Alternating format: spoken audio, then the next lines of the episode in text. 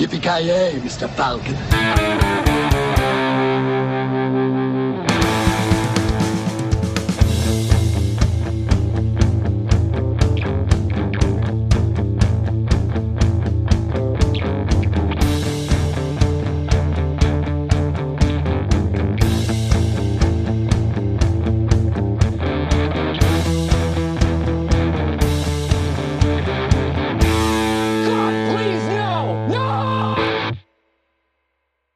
Jajamensan gott folk, hjärtligt välkomna till ännu ett avsnitt av Creative Melton Podcast. Ni har med mig, Kalle.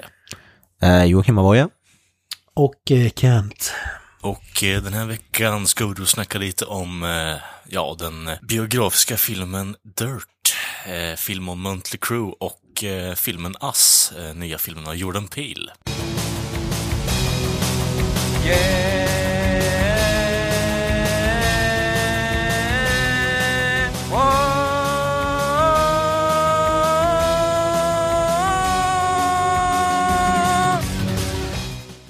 Ja, innan vi hoppar in på eh, The Dirt här så tycker jag att vi gör en liten avvikning här grabbar. Vi har ju blivit eh, plagierade också av eh, självaste Filip och Fredrik. Lite, Ja. ska, lite skamligt beteende om jag får säga det själv faktiskt. Alltså det, Vad fan hände där? Ja, det... Hur desperata är de? Mm.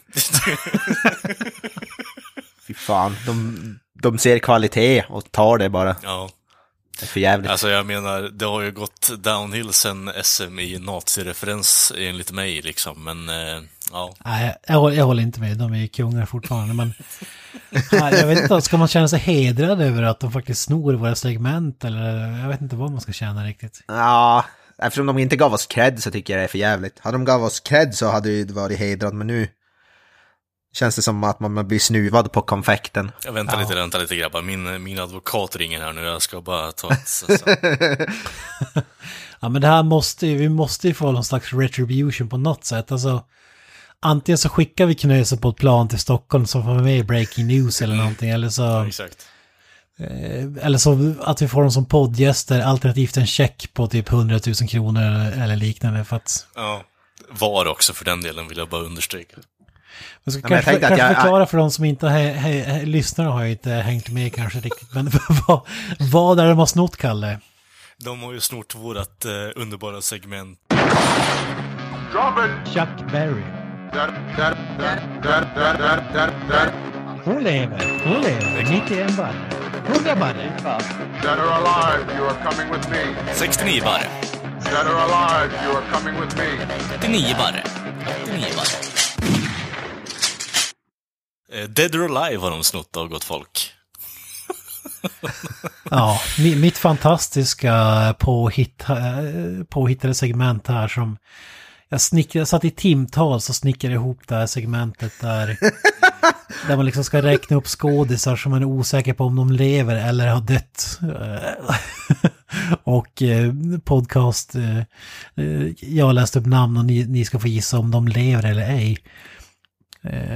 Ja, och det här hamnade då på Filip och Fredriks nya program eh, Alla möter alla, heter det så? Alla mot alla kanske. Alla Ja, mot alla kanske. Och där där de kör ändå där man skulle gissa om, nå, om personen var död eller levande. Och de hade ju bytt namn på den. De hette, den hette så mycket som eh, Lever den jäveln. Lever den jäveln alltså. Men det som avslöjar alltihop, det är att i, när, när inne-segmentet rullas upp, då kör de Bon Jovi med Dead or Alive. Dead or Alive. Alltså det är ju, Ja, det det. blir ju inte mer solklart än så, eller vad säger du? Alltså Ja, jag hade, ju, jag hade ju hellre sett att de hade tagit min katt på eh, All Invaders Must Die in, in eh, alltså splashat med eh, Robocop, Dead or Alive or coming, coming with me liksom och våra soundbites. Fan. Det roliga här, man, man undrar hur mycket de har liksom har lyssnat av oss för att vi pratade om Dead or Alive, ta med just Bon Jovi-slingan där. Men av rättighetsskäl så blev det väl din mix istället. Men eh, det, är, det är lite oroväckande, det är lite eh, Nordkorea eller? Ja, det är ju Ja, äckligt det- beteende alltså. Alltså det är ju två Kim Jong-Il som jag sitter och kollar på där liksom på skärmen eh, varje kväll. Ja, för fan. Ja, för fan. Ja, men äh, Filip och Fredrik, eftersom att ni uppenbarligen lyssnar, sitter fastklistrade i podden varje vecka så måste jag säga kul att lyssna. Ja, det, Ja. det är det i alla fall. Och- synd att ni inte säger någonting, för ni hade jättegärna kunnat få låna segmentet om ni bara hade frågat liksom. Ja. Så vi väntar på kommentar och eh, ja, våra advokater kommer höra av sig också. Ja, get, get your lawsuits ready. Nej, men det är stort. Det är väl förmodligen första och sista gången vi blir plagierade misstänker jag. För att det är inte så ofta vi har det snilleblixtar som smittar av sig så att säga. Nej, Eh, nej. snart så tar de väl eh, Hollywood Roulette och eh, soundtracket rakt av också, som jag satt och pillade Ja. med i flera dagar. Ja. Ja, fan om det, om det kommer Hollywood Roulette alltså. Då, Ja, då jävlar. det- då, då, är då är det lawsuits direkt liksom. Och om Yippee Kaye Mr. Falcon kommer med i något sammanhang så vet man att det är taget från oss också. Jag har ju faktiskt stickat ihop en Dead or Alive här så jag tänkte vi kör. Oj, fy fan. Eh, vi börjar med eh, Filip och Fredriks eh, idéer till nya segment. Dead or Alive. Eh, dead, skulle jag vilja säga. Dead säger jag också. Respirator. Stone Cold. Han är död. Han är död. Ja. Ja, nu har vi ju gassat i sig. Vad, vad säger vi om Elvis Presley då förresten? Är han dead or alive? Stenlevande. Han lever. Han lever. Stenlever. Sjut- 75 bara. Ja, fan, fan om Elvis-bilden dyker upp på Filip och Fredrik, då blir jag fan misstänksam alltså. Eh, oh, Jesus Christ. Ja, men han lever ju så det är inte så konstigt Bra, att han, den kommer- dyker upp. Det kommer vara bra om någon tar en bild på ehm, ja, Max Boomer liksom nästa avsnitt och bara Ja. ger en fingret liksom. Deras nya logo kommer ha Max Boomer i sig, alltså då jävlar. Då, då ringer jag min advokat på riktigt. Ja, Alltså, det är, nog för att vi, vi har som ingen rätt till det, för vi har var, varken patentskyddat eller någonting så. De kan ju sno egentligen hur mycket de vill. Alltså ri- risken är ju jävligt stor att de snor den loggan alltså. Det är, Jag tror fan det. det är fan större chans att de gör det än att de inte gör det.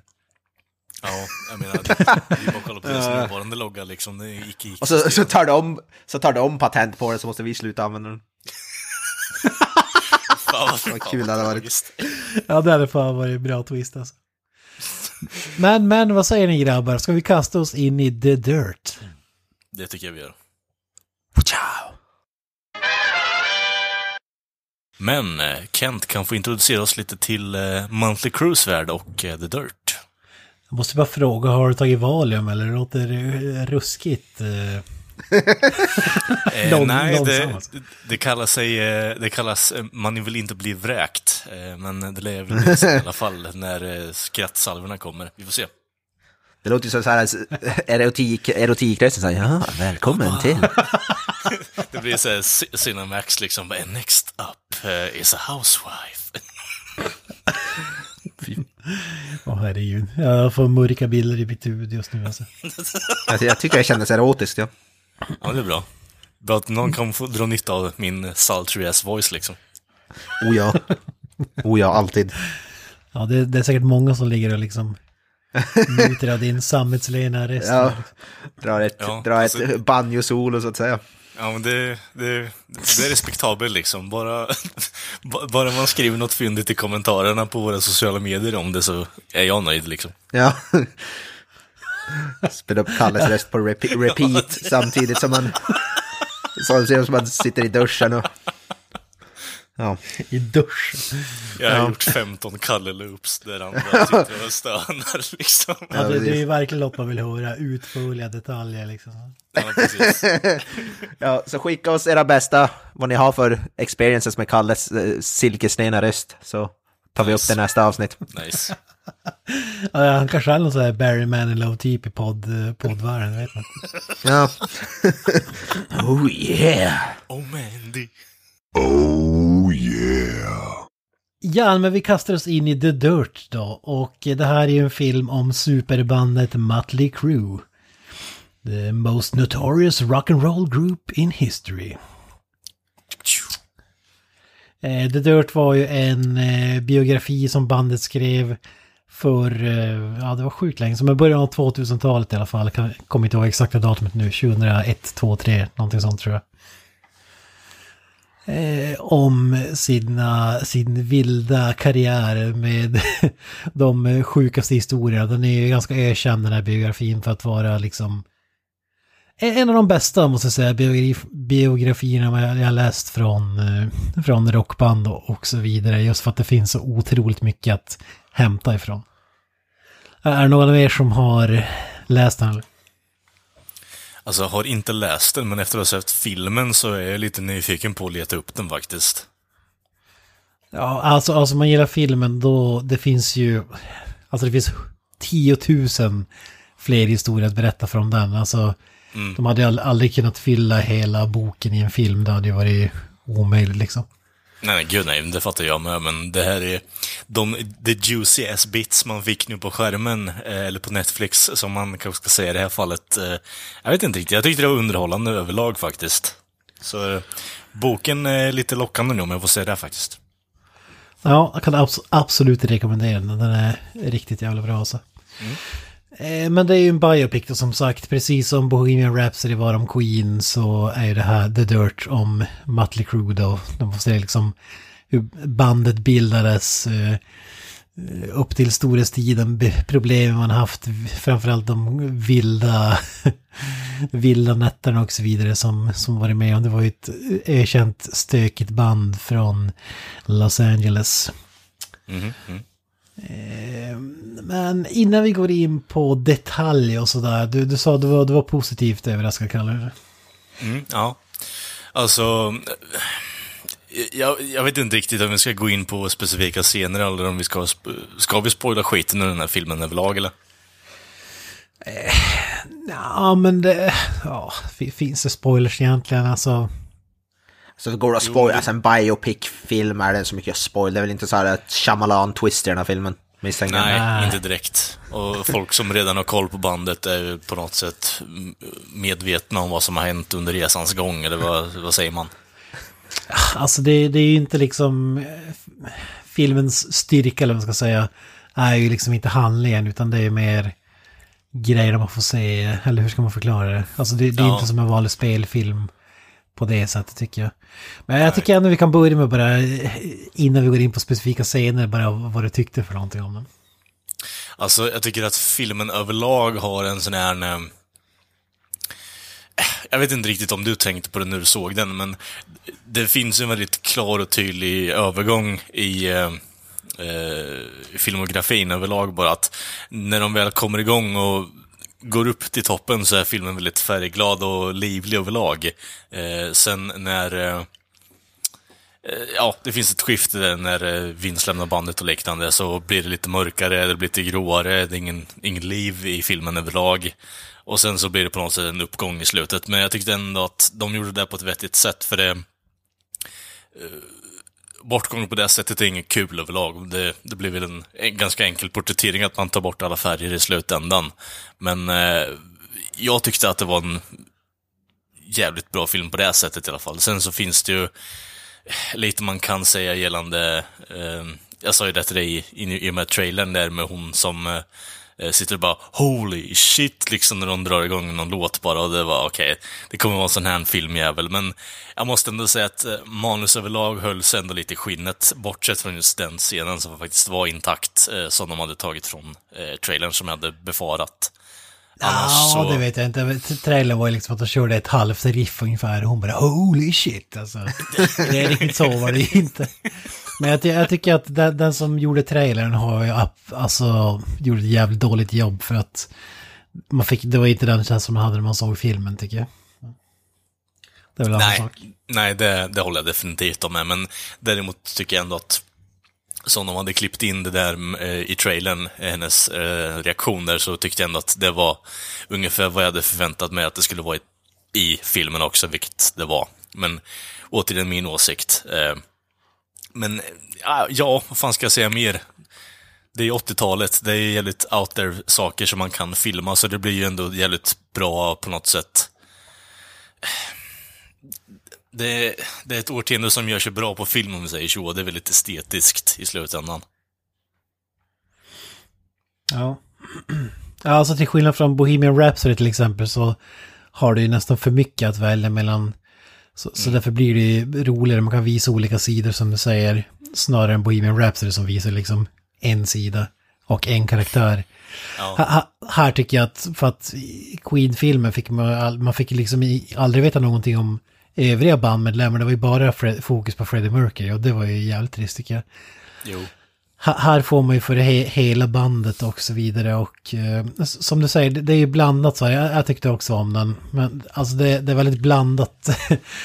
alltså upp och ner och glädje och party och eh, allvar och tragedi och så vidare. Men jag, jag tycker ändå att man fångar liksom andan av Mötley Crüe som är lite organiserat kaos eller vad jag ska säga. Jo, du är lite mer större fan än vad jag är också i slutändan, så du har ju bättre koll på det. Men jag har ju ändå några låtar i deras repertoar som jag tycker är jävligt bra faktiskt. Så det var ju nog för att locka, locka in mig i slutändan. Ja. Och det, det jag tyckte om med den här filmen också, att det, det är ju mycket musik och låtar och sådär, men till skillnad från Bohemian Rhapsody, jag, var inget fan av Bohemian Rhapsody, kanske ni förstår, men där var det liksom bara en ursäkt för att eh, höra nästa låt. Och då står, står han och mimar liksom i tre minuter i varje scen till tonerna av riktiga inspelningar. Här, här var det lite mera Alltså musiken användes för att berätta storyn också på, på ett helt annat sätt än vad jag tyckte att man gjorde i den filmen. Mycket snyggare övergångar och sådär. Långt ifrån en felfri film men eh, jäkligt underhållande och eh, förvånansvärt lite som man fick eh, faktafel liksom. Om man, än en gång om man jämför med Bohemian Rhapsody, det liksom tog sig friheter kring allt i princip. Och hi- hittade på och spann vidare. Så här är det ändå hyfsat, hyfsat nära sanningen och det har väl att göra med att bandmedlemmarna faktiskt, som filmen handlar om, lever idag liksom. Jag gillade också att man använde fourth wall breaking, att det finns ju scener i filmen, typ att när de spelar upp en scen som bara är tillagd för att det ska vara som en film, eh, så säger man bara All right, this shit didn't happen. så, så, så, så här var det istället, men vad fan, vi kör, typ. Det, det tyckte jag var riktigt eh, bra grepp faktiskt. Det, det passade också Ja, Mötley Crüe alltså- och, och filmen i, i allmänhet. Ja, jag vet inte riktigt. Eh, Sen att det är Mick Mars som gör det också, de introducerar honom lite som en alien i slutändan också. Det, det blir ändå passande att det är han som gör det, för han är en jävligt udda karaktär och bara sitter och... Han är väl den som får minst screen time på det här sättet och development eh, kontra de andra tre som man får lite mer inblick i just eh, främst Nicky Six i och med att det är han som har skrivit merparten av låtarna och ändå varit drivande kraften bakom bandet om jag har fattat det här, eh, den här filmen rätt. Ehm, Ja, han- man kan säga Mick Mars var ju liksom tillbakadragen. Eh, hatade allt det här rampljuslivet. han var ju bara in for the music så att säga. Och hade problem med sin sjukdom då som man får se i filmen. Hans eh, liksom ryggrad dras ihop på något sätt så att han liksom blir som en gammal tant. Trots att han är typ 30 år gammal så har jag haft mycket problem med det där genom åren. Så, så han har varit lite så här, uppfattas som lite halvbitter, men ändå skön liksom. Och eh, eh, jag, jag tyckte det var en rolig porträttering. Det är det som är kul också, att bandmedlemmarna är så otroligt olika på, på ett sätt också. Det blir någon slags dynamik. Det känns som att det blir ändå på något sätt en, eh, vad ska man säga, en vettig representation av eh, LA överlag. Att det finns en stor samling människor just i den staden och det är därför folk kallar det en helt galen stad överlag. Och det, jag vet inte riktigt, det blir väl ändå typ den perfekta bandet för att porträttera den staden överlag i slutändan. Kanske därför de blev så populära. Ja, ja. Ja, jag är ju ett jävligt stort fan. Det är en av husgudarna. Inte det creddigaste bandet, men jag älskar musiken alltså. Mm. Får man lov att säga. Ja, Det jag tänkte fråga var när jag har för relation till bandet båda. Kalle, vad, vad har du för relation till Mötley Crüe? Alltså, någon låt här och var. Annars så har det varit det där bandet som, ja, just på grund av att det har kommit i samband med det där med eh, Twisted Sister och den härvan liksom att klä ut sig till tjejer och sånt, så var det inte riktigt det bandet man var en go-to till, utan det var, oh shit, de har ändå någon bra låt här och var liksom, tänkte man, men det var ingenting man sökte vidare på, utan man som sagt innan hade AC/DC och Metallica och så vidare och sen så har man byggt vidare därifrån men när det väl begav sig man blev introducerad till bandet så blev det inte riktigt så här en oh shit.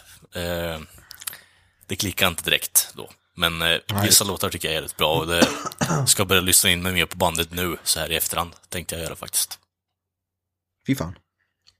Ja, jag, jag är superfan. Alltså, det är ju inte Maiden-klass, men alltså det är, de två eh, är ju mina favoritband skulle jag säga. Skiljer sig jävligt mycket åt en helt annan typ av, av musik och sådär. Men jag har lyssnat på dem jävligt länge och sett dem live och så vidare. Så det ligger varmt om hjärtat. Men, och därför kan man ju tänka att det kanske skulle vara lite så här uh, biased. Alltså mot, mot filmen, men det är tvärtom. Alltså om, om, de, om det hade varit jävligt dåligt, då hade man ju bara blivit sjukt besviken. Alltså, den här filmen har ju varit på gång i liksom, alltså början av 2000-talet tror jag började snackas om den första gången. Men de har ju skjutit upp den hela tiden för att det är ingen som, ingen som har velat göra filmen som de har velat göra den. Alltså visa hur sjuka saker och ting var utan censur och grejer och det var ju Netflix då som visade sig vara bästa alternativet för den delen. Även om man jämför med det som står i boken, det som är i filmen, så är det fysa tillsnyggat. Framförallt mycket så här kvinnoförnedrande saker och bråk inom bandet som var på en helt annan nivå, men det är ändå ganska eh, rated R-scener. på på alla, alla, alla möjliga sätt så att säga. Eh, ja, det får man väl ändå ta och säga i slutändan. Vi går väl in på det mer lite senare kanske, men jag vet inte riktigt hur du tänkte kring det. Men jag tyckte ändå det, gjordes ändå bra liksom, i och med att man har hört att det här bandet är det sliskigaste som finns i världen. Och det blir ändå på något sätt väldigt uppenbart i och med den här filmen, även om de säkerligen eh, har eh, ja, klippt bort en hel del, om vi säger så. Det är mycket så här, vad heter det, vitt guld med det här bandet. Om man säger så. Ja, eller brunt guld om du vill gå dit liksom i slutändan. ja. Ja, det, det var ju verkligen sex, drugs and rock'n'roll så att säga, bo- bokstavligt talat. Det kan jag tänka mig. Eh, Ja, det, det finns ju mindre smickrande sidor och kvinnoförnedrande sidor som sagt också, och så vidare som, som man har eh, downplayat i den här filmen, även om det finns vi- vissa grader av den. Men om, om man ska säga någon, någonting negativt så tycker jag, alltså, eller vi kan gå igenom skå, skådespelare först innan vi går dit så att säga. Det, man, man har ju valt ganska okända skådespelare. Eh, en som jag tyckte var riktigt bra, som jag inte hade någon aning om vem det var, det var han som spelade Tommy Lee. Eh, Machine Gun Kelly, rapparen var det tydligen som spelade honom.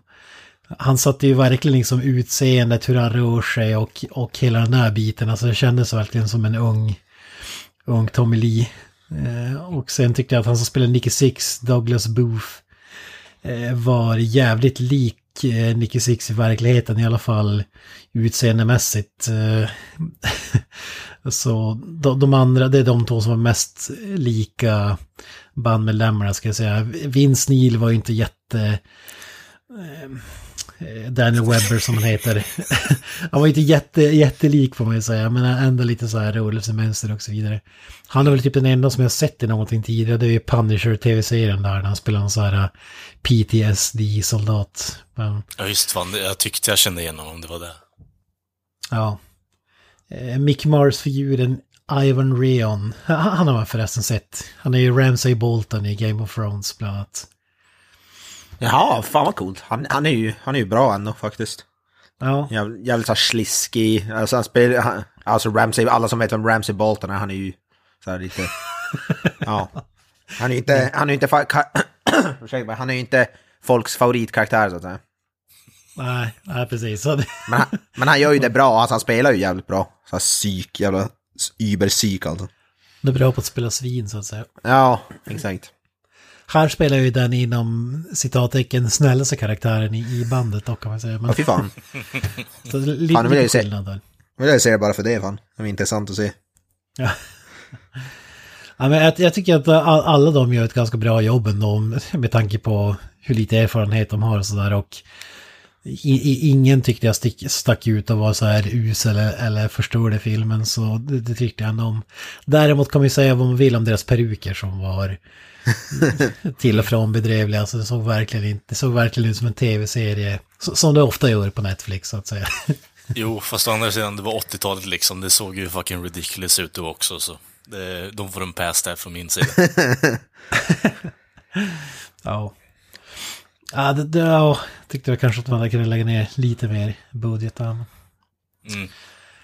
Eh, som sagt, det, är lite felaktigheter, kan, kan vi gå igenom dem eh, alldeles strax här. Men in, inte så att man störde sig på det. Det var kanske förskönad bild i slutet och hur bandet bildades var väl kanske inte riktigt helt eh, korrekt får man säga. Men i, i grova drag fick den ganska mycket rätt, vilket jag tyckte var positivt. Men problemet är som sagt att det finns otroligt mycket berättelser, därför tyckte jag att filmen var egentligen för kort. Alltså, jag läser många som har skrivit efter, efter att ha sett den här att det, det skulle passa bättre som en tv-serie och, och håller faktiskt med. Alltså, Du hade kunnat haft en min, miniserie i alla fall, säg tre delar med långa som en film för att hinna få med allt. För nu, vissa delar hoppar över så jäkla snabbt bara för att hinna med. Man har valt ut det man tycker är mest intressant och så att säga. Men det finns ju så otroligt mycket mer att, att berätta så, som har hänt och sådär. Så. Det, det är lite synd, men jag tycker ändå att man ja, gör en hyfsat bra avvägning. Men lite rushed får man ju säga att den är. Jo, jag, jag märkte ju det lite också. Jag har inte, nu är det ju så, jag har inte läst boken och så vidare som sagt, men jag märkte det att efter att vi, Nins, äh, Vince äh, lämnar bandet liksom i slutändan, så eh, känns det som att det går typ eh, två månader eller någonting och sen så är han tillbaka igen. Eh, själva verket var det typ sex år liksom, så jag vet inte riktigt. Det, det har ju hänt ett par grejer däremellan. Ja, och sättet han kom tillbaka på var inte riktigt som i filmen heller, så det var ju liksom... nej, nej, men det fattar man ju. mer, för, det är väl de tre delarna skulle jag säga, när man har... eh, När hans dotter blir sjuk, timelinen där har de twistat om. Eh, när- hur bandet bildas är, ah, det är inte helt åt helvete fel, men det är ändå inte exakt så det gick till. I, i alla fall inte med eh, Tommy Lee, eh, kan man säga, den delen. Mick Mars var ju korrekt enligt boken och eh, Vince Neil var ju typ korrekt enligt boken. Mm. Men ju- just Tommy Lee som, som tillhörde ett helt annat band innan han började eh, spela med Mötley Crüe och Mötley Crüe hade väl en, en helt annan sångare också innan man eh, började spela in skivor som, som man bytte ut mot Vince Neil. Det var inte heller med i filmen så att säga. Ah, det, det är väl inte jätteviktigt så men ändå. Alltså, jag, jag är inte så här hur stort fokus är det på musiken? Är det så här, många sådana alltså, scener från när de står på scen så att säga? Eller är det mest så här bakom, bakom scenerna så att säga? Alltså det är väl som en blandning alltså. Jag skulle säga att det är mer bakom scenen än vad det är på scenen. Men Ja. som, Kent, som Kent sa innan så blir det ju mer på något sätt att de gångerna, de, de få gånger de faktiskt använder musiken så är det ju när de är på scenen och då är det ju liksom, okej, vi har en viktig spelning här nu. Och då blir det liksom ändå på något sätt, ja, inte integrerat på ett vettigt sätt också. Att Tommy Lee går igenom sin eh, dagliga rutin efter att han har blivit så här fast handklovad fast i sängen på hotellrummet liksom. Och så går man igenom hans hela dag. Då får man ju se den här ikoniska scenen när han sitter i den där Steel Cagen håller på att spela trummor och droger blir avsugen av en tjej på backstage och så vidare. Och då är ju musiken i bakgrunden liksom. Så det, det passar ändå in. Ja, det var lite kul. Man, man lekte lite, man filmade ur, eh, det var som den här filmen, eh, vad fan hette den? Hardcore Henry. Hardcore Henry, alltså en film med första persons perspektiv så valde man när Tommy Lee, alltså i filmen är det olika bandmedlemmar har sin egen berättarröst. Ah, eller alltså skådespelarna, inte typ, det är inte Tommy Lee som sitter och gör bakgrundsrösten så att säga. Men då berättar man deras historia typ och så är det lite, lite roligt så här typ, ja men fuck now, now it's my turn, this asshole has gotten too much time in the movie typ. Ja men sån här, så som jag tyckte ändå, ändå funkade. Och där, där så lekte man med första persons perspektiv där man filmade från eh, Tommy Lees ögon hur, för att han var ju liksom superalkis och var liksom väck hela turnén, alltså eh, söp, knarkade, som du säger, höll på med groupies och så vidare och sen var slocknade liksom eh, efter att förstört hotellrummet varje kväll så slocknar han och så vaknar han och så vaknar han då är det någon som har handklot fast honom i sängen för att han ska hålla sig på rummet. Så att han så att, och så ringer de och väcker honom när det är dags för spelning liksom halv sex på kvällen eller någonting så han ska börja bege sig till arenan. Han åker dit, gör världens gig och så börjar det om igen. Så det, det tyckte jag var jävligt kul. Ja, det var en av, en av mina favoritscener faktiskt. Det var det var riktigt jävla bra klippt också faktiskt. Bara intensiteten i just den där minuten eller två. Det var, det var fan riktigt jävla bra. Ja. Alltså när de, när de eh, står på scen och sjunger, alltså har de... Alltså mimar de bara eller är det skådisarna som sjunger? Nej, de mimar dem, men det är, det, det är inte som i, eh, i Bohemian Rhapsody att du liksom får ett helt musikframträdande i typ tre minuter, utan du kan ha typ inledningen på en låt eller någonting och så övergår det till en annan scen eller någonting Ja, som det. händer i bakgrunden under konserten och så vidare. Så att just det. det, är inte som bara ett musiknummer, det, det skulle jag inte säga. Även det finns Nej. någon scen som kanske är lite så, men i, inte på, på det sättet. Jag tycker att man använder musiken för att föra storyn vidare också. Sådär. Ja, just. Det blir inte direkt bara att eh, här har du Freddie Mercury-låtar, ta en till och en till och en till. Nej, det är inte bara som att spinna på liksom Greatest Hits-skivan och se en film Nej, till. Utan det är ju exakt. lite mer ta- tanken så tycker jag. Jo, och det, det får jag väl inte få igenom faktiskt, för den, jag tyckte den här ärligt talat var mycket, mycket bättre än eh, Bohemian Rhapsody och jag hade förväntat mig rent och skär skit faktiskt när jag slog på den här, men ärligt talat, jag blev positivt överraskad överlag faktiskt. Ja. Jag tror att må- många så här, som inte är som oss kanske tycker helt tvärtom att Bohemian Rhapsody är en fantastisk film och den här inte är Mm. li- lika bra. Men då, då får man ju tycka det. För jag, jag såg verkligen inte storheten i Bohemian Rhapsody måste jag säga.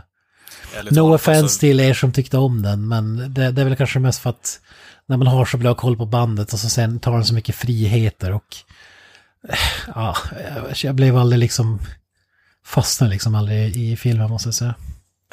Alltså, jag, jag fattar varför man fokuserar på Freddie Mercury, men jag tycker det blir för tråkigt att bara ha en person i fokus när man har så jävla mycket andra grejer runt omkring i bandet som man skulle kunna fokusera på och göra någonting vettigt av i slutändan. Det, jag tycker det bara är tappad potential och det, det är bara min åsikt i den meningen. Och tycker man om den filmen så får man jättegärna göra det, men det var inte riktigt för mig i slutändan. Ja. Alltså jag vet, Brian May kanske bara sitter hemma i soffan de dagarna och inte gör någonting och är totalt ointressant, inte, inte vet jag men man hade ju velat veta nå- det. någonting. Det hade kunnat bli- blivit en liten rolig scen i alla fall för det. Ja, kontraster liksom. Ja, exakt.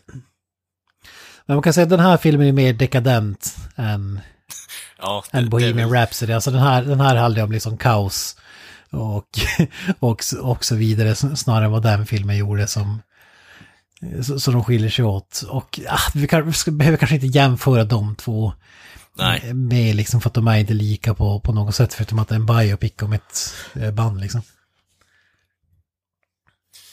Är det här den bästa biopic om ett band ni har sett någonsin? Jag har inte sett så jäkla många. om Man ska vara... Nej, jag skulle ju säga, det, vad fan finns det för andra biopics? Jag kan fan inte komma på någon. Alltså. Alltså, NWA-filmen har jag sett. Eh, Bohemian Rhapsody. Eh, vad fan har man med sig? Vad finns det Kiss, meets the fa- Kiss meets the Phantom of the Ja, Park. Ja, den, den, den är etta givetvis. biopic based on a true story. ja, ja, det är den ju. Ja, Alltså nu, nu ska jag säga att The Dirt är ju ingen 10 av 10 film, inte i närheten. Men jag tycker, att, jag tycker det var bättre än Bohemian Rhapsody till exempel. Jag tycker det var bättre än NWA-filmen. Eh, ja, vad, vad fan, fan finns det mer för filmer? jag kommer inte på någonting. Ray finns med. Jamie Foxx. Ja, jag tror inte jag har sett den faktiskt. Mm. Johnny Ca- Ja. Bättre än Johnny Cash-filmen tycker jag att den är. Fan, jag gillar Johnny okej. Jag gillar Johnny Cash-filmen. Ja. Walk the line vad det heter. Mm, mm. Den, den Ja, är den väl helt okej, men rent underhållningsmässigt så tycker jag att den här trum, trumfar ändå om, så att säga. Ja, alltså med tanke på vad som händer i den här filmen så kan jag förstå det. Men eh, ja, jag, jag håller ändå upp uh, Walk the Line ganska högt, jag med, gällande biopics. Men Ja, definitivt. ja, Walk the line är en superproduktion, den är ju en riktig Hollywoodfilm. Det, det är ju inte den här. Alltså det här är ju en. Netflix-film som ser ut som en tv-serie, budget liksom. Alltså, jo, så på så på något sätt är den ju liksom... Men det är ju på något sätt speglande om du förstår vad jag menar kring bandet och deras image i slutändan också. Så det blir ju ändå jävligt bra i slutändan. På just på grund av det, skulle jag vilja säga. Bandet har gjort det själv med en liten budget. Ja, men precis. Och jag menar, re- regissören är ju en Jackass-snubbe som har gjort Jackass 3D, Jackass the Movie och så vidare. Jävlar vilket CV han har alltså. Ja, så, så det är ju inte heller. Men, men då sa ju Nicky Six att ja men fan vi, Mötley Crüe gillar underdogs och han är underdogs och sålde oss på idén liksom att vi skulle få göra en så galen film som vi, som vi har letat efter. Så att, Det känns ju ändå passande på något sätt. Eftersom Mötley Crüe är så galet band så de känns ju lite som Jackass i bandform nästan. ja, ja men verkligen. Så det känns som att det passar. Han gjorde ju även en dokumentär om Mötley Crüe som heter The End. Som släpptes för, för några år sedan så, så de kände väl till honom. På det sättet, han var ju ett superfan av bandet också och det tycker jag ändå märks att det är någon som har eh, kärlek till banden som har gjort det så att säga. Fy fan. Ja, men in, innan vi går vidare kan vi bara gå igenom det som, det som var felaktigt då.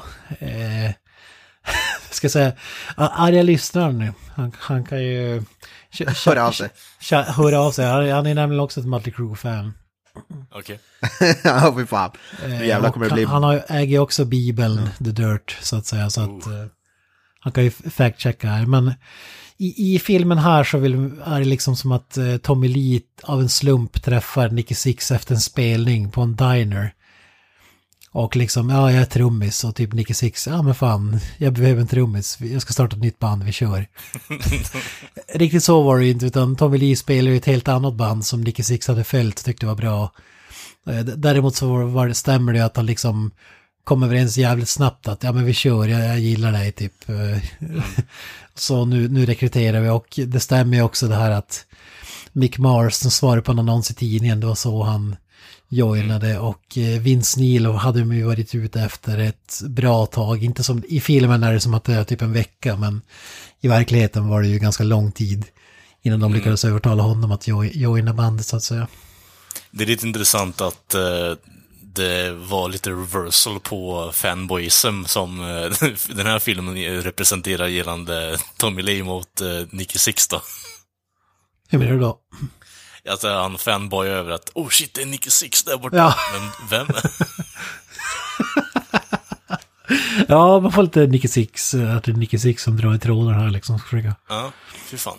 få dem framstå som bättre än är nästan. Men, Ja, eh, det ja, men, här, ne- ne- eh, ja. kort, eh, kort aside bara. Eh, den här filmen har ju även gett mig idén till att eh, man kanske borde göra en biopic om Ozzy. Det hade varit jävligt underhållande. Ja, fan, Black Sabbath Ja. biopic hade varit intressant. det skulle bli någonting i stil med den här, Ja, kan man ju säga.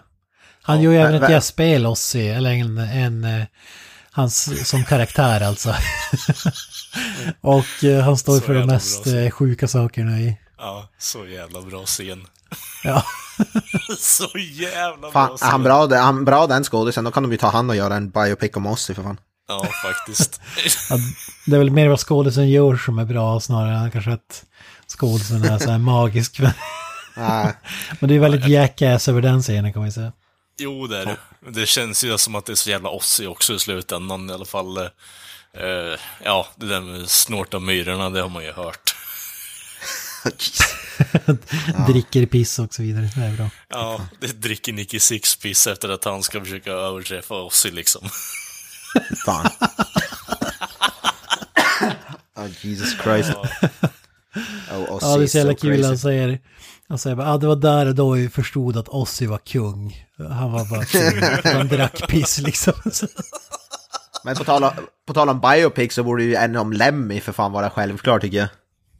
Ja, ja, ja, absolut. Fan. Fast där är det svårt att hitta någon, för Lemmy är ju så, så ikonisk i han, hur han ser ut liksom och, och, och så, så där. där kan jag tänka mig att det blir jävligt svårt att hitta en rätt skådis alltså. Ja, det finns ju en viss ex-trummis som numera spelar ett visst band som jag tror skulle vara sugen på att gestalta den säga. Va? Vänta nu, vad, vad pratar vi om? Hans polare som varit trummis i Nirvana så att säga. Ooh. Jaha, Som har okej. testat på skådespeleri som jag tror skulle vara grymt sugen Ja. på att spela den rollen. Ja, det, det kan fan skära sig lite om Dave Grohl kör på det, men ja. Ja, Mr Foo Fighter himself. Ja, Ja, Ja. Ja men Alltså- tillbaka till det, det som var lite felaktigt. Och sen har man ju, eh, Vince Neil har ju en dotter som blir sjuk. Mm. Och eh, tragiskt nog dör. Eh, men där har de kastat om timeline. Det var inte riktigt där det hände. I filmen är det som att hon dör, han är i sorg och då säger de liksom ja men kom igen joina bandet och han joinar dem efter en vecka. Och som Kalle sa innan här, det var ju inte riktigt så utan det tog, tog flera år och det var ju tvungen så här, eh, det var tvungen bevisa honom för att de verkligen var seriösa och så vidare för att de skulle ta honom tillbaka efter att de hade eh, breakat up. För att de har ju haft mycket det här är ett band som har krigat otroligt mycket och eh, det är, i slutet av filmen är ju otroligt förskönat det, det slutar med att typ Multi Crew fortsatte spela i 20 år till eller vad var det, men riktigt så var det inte. Att, för jag tror att vid minst två tillfällen så, så har de skrivit kontrakt om att de absolut inte ska kunna göra någon reunion för att de hatar varandra så mycket. och det, det, blev liksom, ja här fortsatte spela i 20 år. Alltså, typ så här. Det är ett ja. sånt kontrakt jag, för, jag har funderat på att skriva för oss också. Mm. Ja, precis. ja, men det, det är ju Vince Neil har ju varit ett läger och så har det varit liksom Nicky Six i det andra och Tommy Lee har väl joinat uh, Nicky Six sida så, och Mick Mars har ju bara skitit i allt. han, han vill ju bara ja. spela musik liksom så. Kan, kan vi bara liksom göra det vi är bra på och tjäna pengar liksom. Ja, precis. så, så det är lite försenat. Men det, med, de här, med det sagt så det är ju inga stora grejer som är faktafel och det, det tyckte jag var, i alla fall om man jämför med boken så det tycker jag nog i alla fall. Det finns en rad grejer till men de är så små så att det spelar liksom ingen roll i det stora hela. Liksom. Mm. Jag läste ju lite på med det där efter, efter att jag sett filmen att eh, de, dels som du säger, hade skrivit kontrakt för att de inte ska turnera tillsammans överhuvudtaget i fortsättningen. Eh, däremot så såg jag även att de håller ju tydligen på att pilla på lite musik eh, i samband med den här filmen. Eh, ja, de släppte tre nya låtar tror jag. Mm. Till, till den här filmen. Yes. för det är givetvis så att de gör inte det här för skojs skull, utan det är för att tjäna cash. Oh, gud. Ja, ja. Utan att slippa re reunion. Och, men det här, den här filmen, om det blir succé, det får ju mig att ge förhoppningar att det kanske kommer en reunion. För att jag hade biljetter till sista spelningen här i Sverige som de någonsin gjorde och ja, det, det, av olika anledningar så, så blev det inte av. Så det har man haft ångest av eh, än idag att man aldrig fick se dem. Så jag, jag håller tummarna för att det blir den sista så här att jag ge dem girigheten slår till och de kan bryta det kontraktet igen. de, de, de, gör en liksom... de gör en Gene Simmons så att säga. Exakt, det, det är det man hoppas på. När, när släppte The Vault då? Nicky Six The Vault ja. eller Tommy Lee Vault? Man kan säga att Nicky Six har aldrig varit någon stor musiker, han är ju basisten liksom. Och ja, just det. Han har ju varit liksom bara in it for the babes eh, och så vidare. Alltså. Men har inte, visst har han en egen självbiografi som heter typ Heroin Diaries eller något sånt där? Jo, jajamän. Visst har han det? Ja.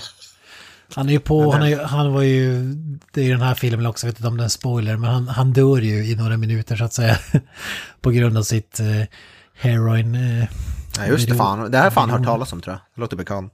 Ja, därav Kickstart My Heart-låten kom till. Uh, och, fan, kul. Ja, så, men nu idag är jag liksom, håller inte på med det längre, han är ute och föreläser så här mot, vad kallas det, opiumberoende och så vidare. Så han är väldigt anti och a changed man så att säga. Ja, just det. Det roliga med den låten är att det är typ bara refrängen Kickstart My Heart som har någonting med eh, hans jävla hjärttillstånd att göra. Allt annat är bara fucking gibberish. No. ja men det är det man älskar med Mötley Crüe, alltså det är inte så noga med allting. Det har aldrig varit, de har alltid blivit sågade av kritiker och så vidare. Så ja. därför var det så jävla väntat att den här filmen inte skulle gå hem hos riktigt så kritiker, men kanske hos hos fansen då så att säga. Det är så det har varit med deras musik också. Så. Mm, mm. Det känns menar, jävligt passande på något sätt. Det är ändå ett fett riff och det får man inte då säga eh, till dem liksom. De är ju fräna på det sättet, men alltså rent textmässigt så, den låten i alla fall är ju bara fucking gibberish. men kick-ass fucking sång, jag älskar den. Ja, jag känner till den låten, den är ju med i ett, eh, för alla tv-spelsnördar, ett spel som heter Brutal Legend, är ju den låten med i. Jag tror Mötley Crüe har, jag tror Mötley Crüe har mer än en låt i den spelet, men den låten främst är ju med i det spelet. Det är där jag, jag tror det var typ första gången jag hörde den var när jag spelade det spelet. Man kör, man kör ju, det är ju som ett hårdrocksspel, alltså det är ju fullt, fullknökat med så här hårdrockslåtar och så här. Så Kent får köra en Let's Play på det. Eh, ja, det är fan ett perfekt spel för Kent alltså. Jag, jag tror Kent skulle gilla spelet så det skulle vara möjligt. Jaha. Fan, ja, nice. fan. Det är väl Jack Black som ligger bakom om jag minns rätt. Ja, spelar huvud, han spelar, hu, spelar huvudrollen. Ja, Just det, han spelar som Jack Black ju. Ja. Motherfucking Ozzy är ju the... Ja, Ozzy of med. metal. Ja, Le Lemmy spelar en karaktär. Rob Halford är med. Ja, man, Lita Ford. Så det är den Ford, ja. Ja, det är kung. Ja. Ja, men ska vi göra avslutande ord? Ska vi sätta något betyg här? Vad säger du, Kalle? Ehm, alltså, jag hade en rakt igenom underhållande upplevelse, så... Jag vill sätta en 8,0 av 10. Och fy fan, jävlar. Fy fan. Alltså jag, jag tror jag matchar ditt betyg, det skulle jag också säga. Om man säger rent underhållningsmässigt, kanske så här, eh, rent hantverksmässigt kanske det inte är 8 av 10, men den är så pass underhållen så att jag tycker att den har upp till en 8 av 10 ändå. Mm. Jag blev så razzmatazzad över allting som hände i filmen, så jag fick en så här... Fan, det är ändå kul med film fortfarande liksom. Eh, och det är, fan, det är fan svårt att hitta en sån film i dagsläget, tycker jag. Så det, den får fan poäng bara för det. Sen som jag kollar på den någon annan gång så blir det säkert mer...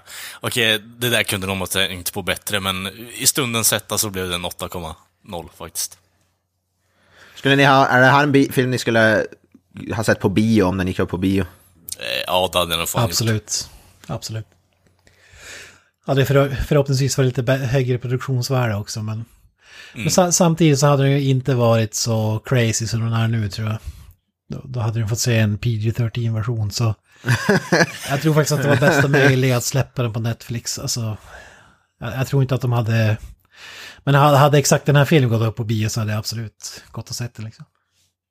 Tommy Lee tog sin diabetesmedicin i Ja, halsen. precis. Han drack sin hostmedicin. Ja, precis. Det är grönt blod. Ja, precis. ja, det, det, det är så bra. Bara, bara hey, what color is Jodas blood? I don't know, green. Ja. Ah, ja, vi går vidare. yes. Nej, men eh, jag tycker vi gör så här grabbar. Vi går vidare. Så Mr. Avoya, vad har eh, du sett? Oj, oj, oj, nu jävlar. Eh, nu blir det läskigt värre, så att säga. Eh, eh, jag har varit på bio och jag har sett den nya filmen av Mr. Jordan Peele. En film som heter Us. För alla er som inte vet vem Jordan Peele är så gjorde han en film som heter Get Out som blev rätt omtalad kan man väl säga. Drog in Oscars och grejer. Jag tror Jordan Peele vann Oscar för manus eller något sånt där. Drog in massa eh, miljarders så att säga. Nej, men den, den, den var jävligt populär och en jävligt bra film tycker jag. jag vi har väl alla sett den här i podden. Yes. Mm. Jajamän, riktigt bra. Såg det om den nyligen faktiskt. Eh, jävligt bra film. Eh, hans nya film heter Us. Och är också en skräckfilm. Eh, eh, som Get, alltså Get Out var ju nästan lite komedi också, den var jävligt rolig. Speciellt den här alltså då, vad heter det, TSA-snubben. Han är jävligt rolig. Och ja, är väl lite på samma sätt, den är lite mer skräck än vad Get Out är, men fortfarande en del roliga scener också definitivt. Så han håller som, men den, jag skulle väl säga att den är lite obehagligare på skräckbiten. Uh, den handlar då kort om eh, en familj som far ut till sitt beach house typ. Uh, jag vet inte om det är, ja, jag vet inte var exakt de är, men det är, någon, de är, en sån här ganska lyxigt beach house som var ute också.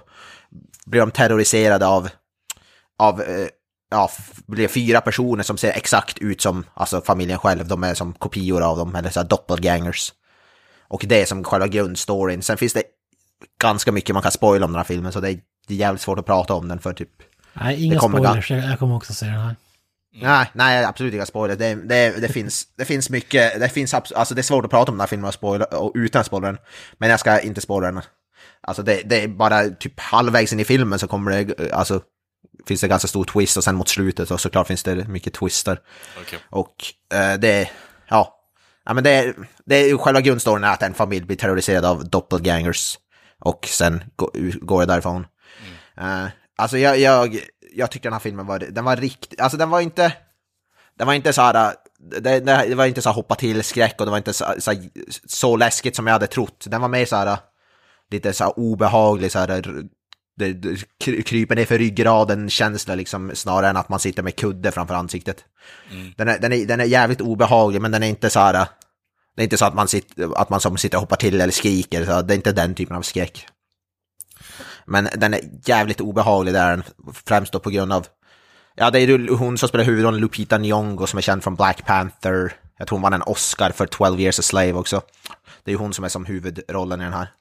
Och hon, hon är jävligt bra i den här rollen, speciellt när hon spelar då sin doppelganger, för hon, då, alla skådespelare spelar ju som två roller, alltså i den här familjen. Eh, Lupita Nyong'o spelar både då mamman i familjen och hennes doppelganger, farsan Winston Duke heter han, som också var med i Black Panther. Han spelar då två roller. Och även barnen i filmen, de båda spelar två roller var.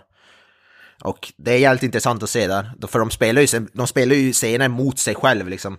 I stora delar av filmen så är det ju de, och jag kan misstänka att det var jävligt konstigt att spela in de scenerna. De måste väl som skådespela mot typ ingen alls eller någon, sådär. Får du liksom Professor Clump-feeling eller? Nej, nej. nej, inte alls. Det här är jävligt välgjort alltså. Och, och de är ju helt olika sig i roller. Alltså Lupita Nyong'o till exempel när hon spelar sin då, doppelganger, är ju, alltså hon, hennes hår är helt annorlunda. Hon pratar på ett så här jävligt mycket annorlunda sätt. Alltså, hon pratar typ så här. Alltså, hon, hon, alltså, det är som att hon knappt, det är som att hon typ just lärt sig prata. Hon kan knappt prata hon låter jävligt creepy. Eh, jag har en liten kort fråga här bara. Det, det låter jävligt suspekt och intressant faktiskt. Så det, det är ju någonting som väldigt få skräckfilmer gör. Så jag måste ändå ge Jordan Peele en jävligt stor cred eh, i och med att han har gjort skräckfilmer intressant för mig igen faktiskt. Så det, det ska han fan med ha. Eh, däremot så kan det eh, göra eller förstöra en film gällande skå- barnskådespelarna. Hur, hur, hur håller de upp sig i slutändan? Är det så här klass på dem eller får de tillräckligt mycket tid för att kunna göra fel eller hur blir det liksom? Ja, barnskådisar, när de är sina vanliga roller, då är de, alltså de är, de är, de är bra, de sticker inte ut, men när de är sina sådana doppelgangers, då, de pratar, speciellt barnen, de pratar, jag tror inte de har några lines när de är sina doppelgangers, så det kanske är därför det, det funkar. De, de ser bara lite creepy ut i sättet de är som sminkade och så vidare. Okej. Till exempel, eh, det här är ju ingen spoiler för det får man säga i trailern, men ungen, alltså pojken till exempel, han har ju typ en mask på sig.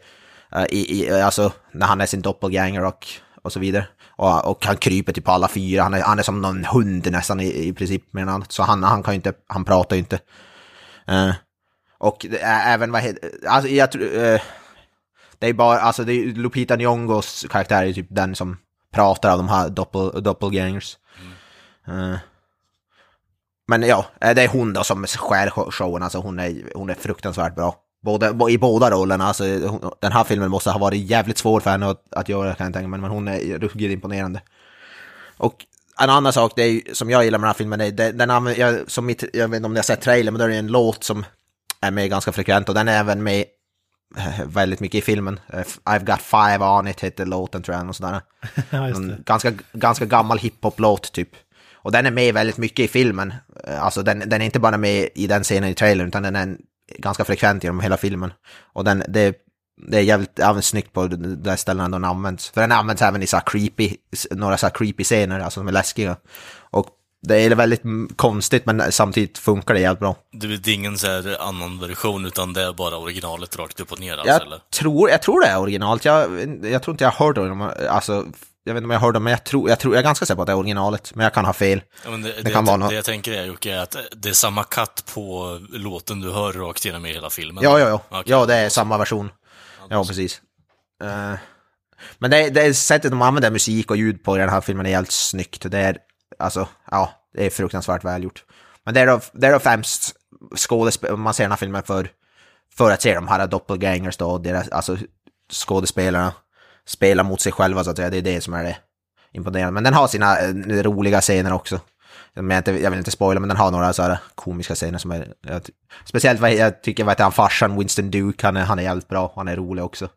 Han spelar i, för er som har sett Black Panther, spelar han någon ledare av någon av den andra Wakanda-klanen så att säga.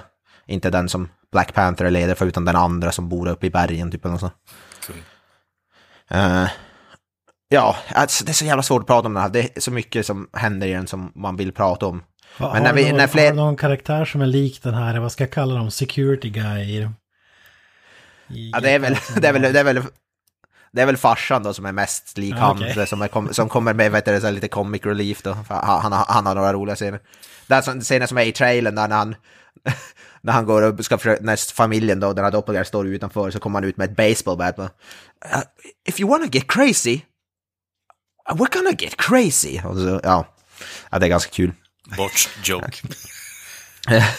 Ja, men han är rolig faktiskt. Han, jag, jag tycker han är skön. Jag, vet, jag tycker han är skön som han. Han är definitivt den som är comic relief. Men han som spelade TSA-agenten i uh, Get Out, han är inte med i den här filmen överhuvudtaget. Nej, tyvärr. Okej. Nej, det varit kung. Man hade velat se han spela en doppelganger och så där hade jag se alltså. Ja, Ah, han, han är han kanske han är dog guld. lite efter att han var med i Bird Box, man vet ju aldrig liksom. Var han med i Bird Box? Han kanske Ja, var. han var ju den som offrade sig in i på uh, the, the Mall liksom. Ja, just det. Bird. Lil, vad heter han? Lil Rel Howard eller något sånt där. Han är kung. Sjukt rolig snubbe. Nej, tyvärr han är inte med den här, men... Äh, äh, det, det finns fortfarande där. Den som vill... Alltså den är lite läskigare och lite mer skräck än Home, men den har fortfarande definitivt sina så här, roliga moment så att säga. Och den är även våld, den är även våldsam, det är, det är mycket blod och den är definitivt mer våldsam skulle jag säga än Get Out på många sätt. Det är ju, det är ju, ja, det, det är mycket handgemäng och det, de, alla de här doppelgangers går omkring med saxar, de är klädda helt i rött. Och, och de har också, alla, alla av dem har, har ett par äh, saxar med. Det är som deras fan. go-to, det, det är som deras version av uh, Jasons machete. De har ett par saxar i handen. Ja, alltså bara, bara det låter ju som att, åh, fy fan. Ja. Men, eh, Ja, jag vill Ja, se ja, men här det- det- det- alltså. Ja, nej den är jävligt bra. Det, det, det händer, alltså efter typ halvvägs in i filmen börjar ju, när man får det börja, när mysteriet börjar nystas upp och sånt där, alltså det, man sitter ju som på nålar liksom, det är jävligt och, ja, det är jävligt bra och slutet tyckte jag också, det slutar på ett bra sätt ändå. Det är mycket, Den- den har- den har- syslöjds, eh, det är mycket syslöjdspans här nu i rad också, det är imponerande. Ja, precis. Nej, men jag, jag tycker den är ändå en homerun för Jordan Peele. Den är en jävligt obehaglig, jävligt underhållande skräckfilm. Jävligt bra skådespelare, musik. Ja, det är alltså... Det är, det är mässligt. Jag skulle ge den förmodligen en... Ja. Så jag, jag tror jag gav... Jag, jag kommer inte ihåg vad jag gav Get Out när jag pratade om men jag tror jag gav 9 av 10 till den och jag tror jag skulle sätta den här på samma nivå ungefär. En 9 av 10. Eh, och jag kan starkt rekommendera den. Den, den är sjukt, sjukt bra. Menar du att han liksom syr ihop säcken på ett snyggt sätt? Alltså? Ja, han syr ihop den som fan. Lika snyggt som Jason 6 som man har i Friday Party, äh, 13 Part 2. nice. Kung. Bästa kostymen. Ja, nej, ja, den här är ru- ruggigt bra film. Och det får en att, den får, får en att tänka lite grann också, den, har ju, den är inte alls så här... Jag har sett, alltså den är inte alls här straight forward. Jag har sett många som online som bara, hur fan, vad fan hände i slutet? Jag fattar ingenting, bla bla bla. Men ja, den är, den är det lite, mer, li, lite mer än bara ja, hack and, sla, det är hack and slash eller slasher. Liksom, Lite mer tanke bakom den här än många andra. Så, ja. Jordan Om, Peele kan... om du äh, måste välja kan, Get Out eller den här, vilken tar du då? Jag tycker fan om den här mer tror jag, eftersom den är mer skräck. Men ja, det är svårt. Det är som att välja sitt favoritbarn. Jag, men jag, tycker, jag tycker nog, bara för att den här är mer obehaglig och läskig lite mer min typ av film så skulle jag nog säga den här. Men ja, Get Out är ju mästerlig för det det den är också liksom. Eh, det har ju blivit väldigt mycket skräckisfilmer från den nu på sistone med de här två. Eh, vad tycker du att han borde ge sig på näst, härnäst liksom? Jag tycker han vill, ska göra mer skräckfilm. Jag vill se vad han, vad han ska göra mer skräckfilm. Det vill jag. Eh, han har, håller har ryktats det. det, fin, det finns så många andra duktiga reg- regissörer i andra genrer, men det känns som att Mm. skräckgenren har som ingen så här riktigt... Tidigare hade man liksom John Carpenter och hela den där biten, det fanns ju många som Mm. helst, men nu känns det fan som att det finns knappt någon som... Som man verkligen vill säga något Nej, nu, men... Ja, det är därför det är intressant. Jordan Peele, John Krasinski hade vi ju. Och de har ju båda så här komik, eh, komedibakgrund, så det är lite intressant också. Så det, ja, jag tycker... eh, Ja, jag tycker Jordan Peele ska göra mer skräckfilm, det jag vill definitivt se. Kommer vi in i en med- sån eh, tidslinje där det alla typ regissörer är nischade på, sitt, eh, på sin genre, tror ni eller? Ja, det, det är väl alla regissörer i och för sig. Alltså, Men sen så du finns det vet vad du får när du... När du får liksom Ridley Scott eller... eh, Ja, Vad fan dynga. heter den? Exakt. Osammanhängande dynga. Tarantino är väl, eller i och för sig, jag skulle säga Tarantino, men han gör väl också, sina, hans filmer är i och för sig ganska lika varandra ändå på många sätt. Ja. Tarantino är ju en genre i slutändan, skulle jag Ja. vilja säga. Så. Ja, Det det skulle vara egen, men... Det skulle vara lite intressant att se Tarantino. Han, nu har ju ryktat om att han ska göra Star Trek. Så det låter ju väldigt intressant. Tarantino gör en science fiction eller skräck, det är ju det, det man vill se. Liksom. Men det är ju lite intressant när någon som Jordan Peele som bara gjort så sketchkomedi innan i princip. Så gör han, kommer han att göra vet två jävligt bra skräckfilmer istället. Det är jävligt intressant ändå. Jag tror med tanke på Death Proof och sådär, han är ju som testat på det lite grann och det känns som att det räcker så. Jag vet inte, det var ju inte hans Ja. bättre verk så att säga. Nej. Men i alla fall den här filmen då. Är sjukt bra. Gå och se. De, den som, sen är det någon fler har sett den i podden kan man prata lite spoilers. Det finns rätt mycket att prata om. När det kommer till spoilers i den här filmen. Kan man ju eh, lugnt säga. Fy fan. Det var eh, allt. Du kan dra den grisen i säcken. Dra Nice. pil i säcken. Att, Ja, det, det är sammanhängande bra och underbra segway.